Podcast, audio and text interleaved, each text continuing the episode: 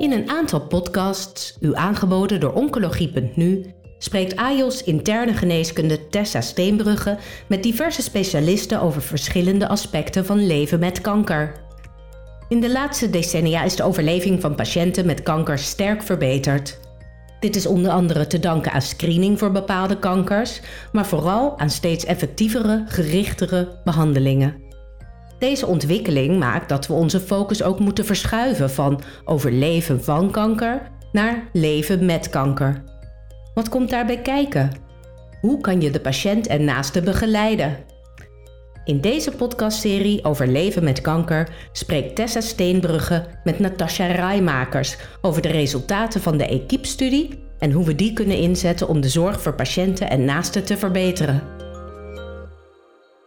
Natasja Rijmakers werkt bij het Integraal Kankercentrum Nederland, waar zij al zes jaar onderzoek doet naar palliatieve zorg bij kanker en hoe deze ervaren wordt door patiënten en hun naasten. Daarnaast is zij oprichter en lid van de Stichting Palliatieve Zorg en Onderzoek Nederland en associate editor van het European Journal of Cancer Care. Daarmee is zij heel goed op de hoogte van ontwikkelingen in de palliatieve zorg voor patiënten met uitgezaaide kanker. In januari van dit jaar publiceerde zij samen met onder andere Janneke van Rooij en Lonneke van der Pol de uitkomsten van de EQUIP-studie. In de EQUIP-studie evalueerde zij hoe ruim 1100 patiënten en 800 naasten de kwaliteit van leven en kwaliteit van zorg ervaren. Welkom Natasja. We gaan het vandaag dus over de EQUIP-studie hebben. Kun jij voor ons samenvatten hoe de EQUIP-studie eruit zag? Jazeker. Uh, de Equipe-studie is een uh, grootschalig onderzoek naar de ervaren kwaliteit van leven en kwaliteit van zorg van mensen met uitzaaide kanker en hun naasten. En dat hebben we natuurlijk niet alleen gedaan, dat hebben we samen gedaan met uh, ruim 40 ziekenhuizen in Nederland. En binnen deze ziekenhuizen werden eigenlijk door de artsen patiënten met uitzaaiingen gevraagd om deel te nemen aan het onderzoek. En dan kregen zij vragenlijsten opgestuurd. Dat kon via de post of online via het profielsysteem. En dan kregen ze elke drie maanden kregen ze een, nou, een vrij uitgebreide vragenlijst over hoe het met hun ging en wat voor zorg ze kregen en wat ze van die zorg vonden. En uh, aan de patiënten hebben we ook gevraagd van of hun naasten misschien ook aan het onderzoek wilden meedoen. Nou, dat uh, wilden heel veel naasten. En ook naasten hebben elke drie maanden een vragenlijst gekregen. En dat hebben we eigenlijk vervolgd tot aan het overlijden van de patiënt. en na het overlijden van de patiënt hebben alle naasten nog een afsluitende vragenlijst gekregen als zijn nabestaanden. en dat was eigenlijk in het kort de opzet van de studie. Ja, duidelijk. Heel mooi opgezet, denk ik. En ook een behoorlijke prestatie om in iets minder dan drie jaar uh, zoveel patiënten en naasten te kunnen includeren. Ja. Uh, door heel Nederland. Uh, dat is ook fijn. Mochten patiënten met alle soorten kanker deelnemen aan de studie? Ja, in principe mochten alle mensen met uitzaaiingen meedoen. Dus solide tumoren. We hadden wel voor, voor borst- en prostaatkanker hadden we een paar aanvullende criteria gesteld omdat daar de overleving voor deze mensen, uh, nou, voor hen gelukkig wat langer is dan uh, voor de andere uitzaaiingen. Dus daar, uh, daar hadden we aanvullende criteria voor gesteld. Ja, duidelijk. En dan was er voor de evaluatie van de kwaliteit van leven ook een controlegroep, toch? Ja, wat wij binnen profiel hebben wij, ja, dat noemen we de normpopulatie. Dus we één keer in de zoveel tijd vragen we de gemiddelde Nederlander ook om dezelfde soort vragenlijsten in te vullen. Zodat we altijd een vergelijkingsgroep hebben van hoe uh, staat de ervaring kwaliteit van leven van onze patiënten in verhouding tot de reguliere burger? Want ook normale burgers hebben uh, geen 100% kwaliteit van leven, maar hebben ook problemen en andere ziektes. Uh, zo kun je dus goed met de norm vergelijken. Ja, zeker. En denk je dat de studiepopulatie een goede afspiegeling was van de algemene populatie patiënten met uitgezaaide kanker? Ja, nou, terechte vraag. Ik denk deels wel, deels ook niet. Uh, wat ik al zei, het is een heel grootschalig onderzoek. We hebben veel patiënten vanuit veel verschillende ziekenhuizen. Um, ze hebben ook de artsen gevraagd om in principe iedereen met uitzaaiingen mocht gevraagd worden. Uh, daar was geen, uh, geen selectiecriteria voor. maar we weten ook uit ons onderzoek, maar ook uit ander onderzoek, dat zorgverleners soms ook terughoudend zijn in het vragen van patiënten voor onderzoek. misschien nog wel wat meer in de palliatieve fase, dat mensen toch nou, wat kwetsbaarder zijn en ze mensen daar niet mee willen belasten. Dat, ja, dat noemen we gatekeeping. Dus dat denk ik zeker, dat heeft plaatsgevonden. Um, daardoor mis je eigenlijk structureel de mensen met de, de meeste problemen. Dus ik denk dat onze groep een, um, nou, eh, hoe moet ik dat zeggen? Een, uh, dat we eigenlijk een rooskleurig beeld zien dan, dan de hele populatie. Uh, als je kijkt naar onze groep, hè, onder 1100 patiënten, zien we wel een mooie variatie in. Verschillende leeftijdsgroepen. Tussen man en vrouw is ook goed verdeeld. Ook met, uh, met opleiding, waar we ook heel blij mee. We hebben ook echt een mooie spreiding van verschillende opleidingsgroepen. Want dat zie je ook vaak, dat je vaak heel veel hoogopgeleide patiënten hebt. Nou, dat hebben wij. Uh, we hebben mooi een goede verdeling daarin. Dus wil ik zeggen, ja, deels wel, deels niet. Ja. ja duidelijk. Goed ja, om dit uh, in ons achterhoofd te houden, denk ja, ik. Zeker. En dan was ik nog benieuwd, wat was de relatie van de naaste die deelnam aan de studie tot de patiënt? Ja, dat was heel divers. Uh, in principe mocht de patiënt iedereen dicht bij hem vragen voor deelname aan de studie. Uh, we zien vooral dat het de partner is. Hè. In drie kwart van de gevallen is het toch de partner. Um, en, als dat, uh, en daarnaast zien we ook vaak de kinderen. Dus het zijn vaak wel oudere patiënten waarvan dan de kinderen deelnemen aan, dus volwassen kinderen deelnemen aan de studie. Um, en daarnaast hebben we ook een, een wat kleinere groep met, met buurman, met vrienden. Gewoon ja, mensen die in jouw nabijheid zijn, is niet alleen maar familie natuurlijk. Oké, okay, mooi divers beeld ook. Ja. We gaan de eindpunten één voor één doornemen. Ja. Uh, nou, laten we beginnen met hoe ervaren patiënten en daarnaast de kwaliteit van leven. Ja, nou wat we ook hadden verwacht. Hè. We zien uh, dat uh, de ervaren kwaliteit van leven van patiënten met uitzaaikanker een stuk lager is dan van de normpopulatie. Maar dat was ook wel in de lijn met onze verwachting. Uh, maar we hebben natuurlijk ook de patiënten en de naasten onderling met elkaar vergeleken. En toen waren we eigenlijk een beetje verrast. Want toen zagen we dus dat vooral op het emotioneel vlak de, de naasten het een stuk slechter doen dan, uh, dan zelfs patiënten. En dat hadden we eigenlijk niet verwacht. Het is bijna een verschil van 10 punten op de EOTC C30. En dat is een, nou, een, een klinisch relevant verschil, zoals we dat dan noemen. Um, dus dat, nou, dat had ons zeker verrast. Dat hadden we niet gedacht. Nee, ik kan me voorstellen, ik was ook verrast. En hebben jullie een verklaring waarom naasten een minder goede kwaliteit van leven ervaren dan de patiënten zelf? Ja, nou, ter voorbereiding op die grote vragenlijst die hebben we ook een focusgroepstudie gedaan, waarin we ook uh, gesprekken hebben gevoerd met naasten en met patiënten. En wat we daar ook al toen zagen, is dat eigenlijk naast aangeven een soort van dubbele belasting te ervaren. Dus ze ervaren een belasting voor de zorg die ze uh, moeten geven aan de patiënt. Dat geldt dan, zien we ook vaak wel voor, eh, voor partner en voor kind gelden. Maar ze ervaren ook een, hun eigen verdriet. En het, nou, ook het vooruitzicht dat ze hun partner of ouder gaan, gaan verliezen. Dus je hebt een soort van ja, een dubbele belasting, noemen wij het eigenlijk. En daarnaast zien we ook een spanningsveld met binnen naasten dat ze heel graag heel goed voor de patiënt willen zorgen. En daar ook eigenlijk alles voor opzij willen zetten. Maar dat ze ook uh, na moeten denken over het leven na het overlijden van de patiënt. Want zij leven door. En die, uh, ja, dat ervaart echt als een tweestrijd. Want ze willen hier en nu eigenlijk alles uit hun handen laten vallen voor de patiënt. Maar hun eigen leven hè, straks gaat ook door zonder de patiënt. Dus ze zullen ook moeten zorgen dat ook, nou, soms werk, contacten, uh, hobby's, dat dat wel doorloopt. Want anders val je in een zwart gat. Dus dat, nou, ik denk dat dat een verklaring is voor de lage, het lage emotioneel welbevinden van de naaste. Ja, en als je het zo uitlegt, klinkt dat ook wel weer heel logisch uh, voor de naaste. Ja, maar, maar toch onverwacht dat het zo'n. Ja, dat, dat de impact zo groot is. Precies, want de impact is echt groot. Als je dat gewoon objectief meet met de, met de vragenlijst, dan uh, nou, dat was echt uh, dat is een behoorlijk verschil. Goed om te weten voor zorgverleners van palliatieve zorg. Absoluut. Rekening mee te houden. Jullie hebben ook gekeken naar de relatie met de ervaren kwaliteit van zorg. En wat zagen jullie daarin? Ja, nou, we hebben ook gekeken inderdaad van wat, wat, welke zorg hebben patiënten gekregen en wat heeft daarmee de relatie tot hun kwaliteit van leven. En wat we daarin zagen was eigenlijk dat vooral uh, nou, patiënten over het algemeen eigenlijk heel tevreden zijn. Naast zijn iets minder tevreden. Maar als je dan kijkt naar de relatie tot, het, tot de kwaliteit van leven, is het vooral de continuïteit van zorg en de betrokkenheid van de naaste in de zorg die maakt dat de, zowel de kwaliteit van leven van de patiënt als van de naaste uh, hoger is. Dus het gaat vooral over dat mensen weten uh, nou, wie hun aanspreekpunt is, hè, dat er duidelijke, eenduidige informatie komt vanuit de zorgverleners. Um, dat, als dat is, dan, dan voelen mensen zich beter. Ja, goed om te weten. Ja. Uh, ja, je hebt al gezegd hoe uh, de ervaren kwaliteit van leven ook de, kwali de ervaren kwaliteit van zorg, de kwaliteit van leven beïnvloedt. Zijn er nog andere factoren die de kwaliteit van leven van patiënten beïnvloeden? Ja, zeker. Ik, ik zeg altijd, is, we kunnen slechts zoveel doen als zorgverlener om die kwaliteit van leven van patiënten te verbeteren. Want het is, uh, het is een multifactorieel concept. Kwaliteit van leven hangt van heel veel dingen samen. dat zien we ook uit andere studies. In onze eigen analyse hebben we dan om die reden ook rekening gehouden met de leeftijd, met het geslacht. Dan zien ook, er zijn ook verschillen tussen man en vrouw in, in hun ervaringen. En, en we hebben ook wel rekening gehouden met de impact van de behandeling. Dus daarvoor gecorrigeerd. Het, ja, onderzoek naar kwaliteit van leven is, een, is heel uitdagend, omdat het het hangt met zoveel zaken samen. Ehm, maar je kan wel, als je elke keer een klein stukje van de puzzel kan ontrafelen en weet wat je kan doen om daar een klein beetje aan bij te dragen, dan uh, kunnen we uiteindelijk de zorg voor de patiënt uh, verbeteren.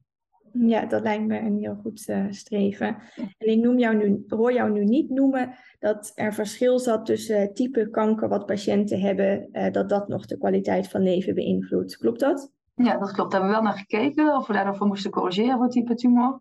Maar dat veranderde eigenlijk de uitkomsten niet. En dat is toch een indicatie dat uiteindelijk, dus blijkbaar in die outsider setting, het soort kanker uh, uh, niet zo impactvol is. en ik denk vooral omdat we wel corrigeren voor soort behandeling, dat hangt natuurlijk ook heel erg samen. uiteindelijk met, met de, de impact op de kwaliteit van leven. Dus daar heb je, dus, anders heb je een soort van over corrigeren als je dat beide meeneemt mooie resultaten die ons zeker kunnen helpen om de zorg te verbeteren voor patiënten in de palliatieve fase. We hebben het in het begin van de podcast al even gehad over de groep patiënten en naasten die zijn geïncludeerd in de studie, die we in ons achterhoofd moeten houden. Uh, in deze setting moeten we nog rekening houden met uitval van patiënten gedurende de studie, wat dan misschien niet willekeurig is. Ja, uh, nou, we hadden wel wat uitval in de studie, uh, ook al voor het invullen van de baseline. Dus voordat mensen überhaupt aan toe waren gekomen om de eerste vragenlijst in te vullen, waren er al ruim 300 mensen die niet nou, de stap hebben gemaakt tot het invullen van de eerste vragenlijst. Daar had eigenlijk verschillende redenen voor. nou, een grote groep was helaas al overleden in die tussentijd. Hè, dat toch, was het toch sneller gaan dan, dan de arts had verwacht. maar sommige mensen vonden ook de vragenlijst te confronterend. bij het ontwikkelen van onze vragenlijst hebben we heel erg rekening houden met het feit dat je krijgt te horen in het ziekenhuis dat jij kanker hebt met uitzaaiingen. Maar het besef dat je daarmee meteen ongene ongeneeslijk ziek bent, dat, dat is, is er niet voor iedereen. Dat weten we ook. Hè, dat ongeveer een derde van onze groep had geen idee van hun, van hun prognose en hun levensverwachting. dus de vragen die we hebben gesteld, hebben we echt geprobeerd om nou, het woord palliatief en dat soort zaken te voorkomen. maar goed, we wilden wel ook vragen van, heeft u nagedacht over het overlijden? Wat zou u willen in de laatste levensfase? Dus er waren wel vragen die nou, in die zin voor mensen confronterend waren. Dus dat was ook een reden voor mensen om te stoppen met de studie. Uh, andere mensen gaven ook aan dat ze er geen tijd voor hadden. Dat er zoveel speelde uh, nou, met, de, met het ziekenhuis, met de zorg, met, met hoe ze zich voelden. Dat ze er gewoon de prioriteit niet aan geven. Heel terecht, heel logisch. Dus, uh, en ik denk ook, dus die uitval is deels uh, onwillekeurig, maar deels ook willekeurig. Want uiteindelijk denk ik de mensen die het, wederom, hè, die, die het minste, die het, zich slecht voelen en het minste tijd hebben, ervaren om het te doen, uh, die doen dus niet meer in de studie. Wat weer bijdraagt aan een nog rooskleuriger beeld uh, van de werkelijkheid. Dus ik denk dat er juist, als je dat in gedachten houdt, bij het interpreteren van de resultaten is dat wel echt heel belangrijk om te beseffen. Dat we uiteindelijk hebben een hele mooie groep en die ook deels echt representatief is. Maar uiteindelijk zie je in onderzoek altijd de, de meest gezonde patiënt, ook in de palliatieve fase. Ja, ja. ja dat blijft inderdaad zo. En denk je dat uh, de vragenlijsten patiënten ook nog hebben kunnen helpen met het verwerken van de fase waar ze in terecht zijn gekomen? Ja, dat hebben we niet grootschalig bij iedereen natuurlijk onderzocht. Um, Kijk, al onze patiënten zijn door ons onderzoeksteam telefonisch benaderd. Uh, en werden ook uh, vaak gebeld als er tussendoor een vraag was of onduidelijkheid. Dus het komt, was heel makkelijk contact met het, met het team en vanuit de patiënten. En um, nou, er waren wel hele mooie hè, anekdotische informatie, dus mooie verhalen van patiënten die het heel, heel fijn vonden. En ook vanuit naast dat het ook die vragenlijst hen soms hielp om het gesprek met elkaar te voeren. Van joh, wat heb jij hier eigenlijk ingevuld? En hoe is dat voor jou? En dat ze daarom gingen praten over wat, wil, wat willen we eigenlijk en hoe voel jij je? En dus er waren zeker mensen bij wie het ook uh, heel uh, behulpzaam is uh, geweest. Wat ik zelf ook heel gaaf vind en dat onderstreept echt ook het belang en noodzaak van onderzoek bij mensen in de palliatieve fase. En ook dat het dus gewoon echt kan, dat mensen ervoor openstaan.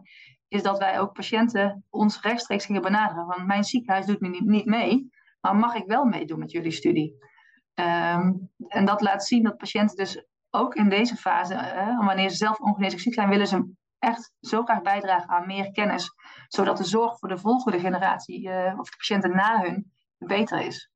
Dus dat is wel, nou, als, als ik denk, wat heb ik nou naast alle inhoudelijke informatie over de zorg voor hen geleerd, is dat nou, ik echt een, een, een, een land wil breken om echt ons minder terughoudend op te stellen in onderzoek doen met mensen die ongeneeslijk ziek zijn. Want ze leven tot aan dat ze overlijden. Ze zijn gewoon nog mens en willen gewoon hun eigen beslissingen maken. En ook dus meedoen aan onderzoek. Ja, dat is heel mooi hoe je dat verwoordt. Ja. Komt er een vervolgstudie? Uh, Jazeker, uh, we zijn zelf al bezig. Uh, de equipe-studie is, uh, was financieel mogelijk gemaakt door de Stichting Europa Run, waar we ze hen heel dankbaar voor zijn. En nou, eigenlijk vanwege het het succes van Equipe. We hebben zoveel informatie nog wat, we, wat we moeten analyseren. Is er nu een nieuwe provendus begonnen, Mooike Versluis. En zij kijkt vooral naar het verloop van kwaliteit van leven. Dus we hebben nu echt gekeken wat er in het begin gebeurt. Maar we gaan nu kijken hoe verloopt het eigenlijk tot aan het overlijden. En zien we daarin nou, bepaalde veranderingen waar je op kan inspelen hè, voor de zorg. En ook veranderen hun behoeften, ook voor bepaalde zorg, ondersteunende zorg, in die tijd waarop je, nou, waarin je eigen punten wellicht kan vinden om de zorg op dat moment anders in te richten. Uh, en daarnaast ook een andere collega, Lorien Ham, uh, die is bezig met het meer verdiepen van wat speelt er nou eigenlijk bij die naasten. Want we hebben natuurlijk gezien, ze hebben het uh, zwaar, die naasten, hebben een, een slecht emotioneel welbevinden. Um, maar hoe komt dat nu eigenlijk? Hè? Dat proberen we meer te ontrafelen. Dus welke factoren liggen daar aan ten grondslag? Er zijn er bepaalde groepen die er meer gevoelig voor zijn hè, om een lage kwaliteit van leven te hebben. En wat maakt ook uiteindelijk dat ze na het overlijden goed door kunnen, ja of nee. Uh, dus daar uh, zijn we ook mee aan het kijken. En uh, daarnaast we, zijn we ook bezig met, met het LUMC en de Hogeschool Rotterdam om na te denken over plannen. Om te kijken, hè, want we weten dus die naast, daar moeten we wat mee. Er zijn verschillende projecten lopen al, hè, ook voor naasten uit Leiden bijvoorbeeld. Dat is een heel mooi, project, mooi tool waarmee je nou, handvaten hebt als zorgverlener om om te gaan met die naasten. Maar we willen ook kijken of er ook andere soorten interventies zijn die we kunnen toetsen. Uh, die mogelijk kunnen bijdragen aan betere zorg, waarbij we die naasten beter kunnen integreren. Uh, maar dat, uh, dat zijn nog plannen, dus die, die lopen nog niet. Maar nou, er is nog genoeg te doen. Absoluut. En we kijken de resultaten en we wachten de resultaten vol verwachting af. Hm. ik hoor jou op basis van deze studie zeggen, goede palliatieve zorg kan de kwaliteit van leven van patiënten en naasten verbeteren. Ik wil graag afsluiten met concrete tips voor in de spreekkamer. Uh, onder andere alleen al het vragen naar de thuissituatie kan een verschil maken, las ik in jullie artikel. Wat zou jij uh, artsen en verpleegkundigen willen meegeven? Ja, nou wat ik eigenlijk vooral zou willen meenemen is, dus heb oog voor, na, voor de naaste patiënt, ook voor de naaste. Uh, want als je dus inderdaad de naaste vraagt hoe het met, ook met hen gaat. En ze betrekt in de zorg van hoe zij vinden dat de zorg gaat en wat zij zouden kunnen doen. Uh, dat heeft zowel een positief effect, hè, of dat hangt samen met betere kwaliteit van leven, moet ik zeggen, voor de patiënt en voor de naaste, dus voor beide. Dus eigenlijk twee vliegen in één klap, uh, zou je kunnen zeggen. En uh, daarnaast weten we ook dat de patiënt zelf het ook heel belangrijk vindt dat die zorg goed afgestemd is, onderling tussen dokters, maar ook met de huisarts. Dus zorg ook dat je als team uh, echt naar de patiënt communiceert en, en met de patiënt en daarnaast communiceert. Dat, er, dat ze ervaren dat, het, uh, dat ze echt door een team worden gezien. En dat dat ook als een, want dat voelt voor hen als een vangnet, als vertrouwd. En dat geeft dus een betere kwaliteit van leven. En dus die continuïteit van zorg is ook echt iets om, om aan te werken in de toekomst. Hele mooie adviezen die zeker meteen meegenomen kunnen worden. Ik wil jou heel erg bedanken voor je enthousiasme voor dit onderzoek en voor dit interview. Heel graag gedaan, dankjewel. Bent u geïnteresseerd in de overige podcasts uit de podcastserie Leven met kanker? Deze zijn te vinden op het podcastkanaal van de website oncologie.nu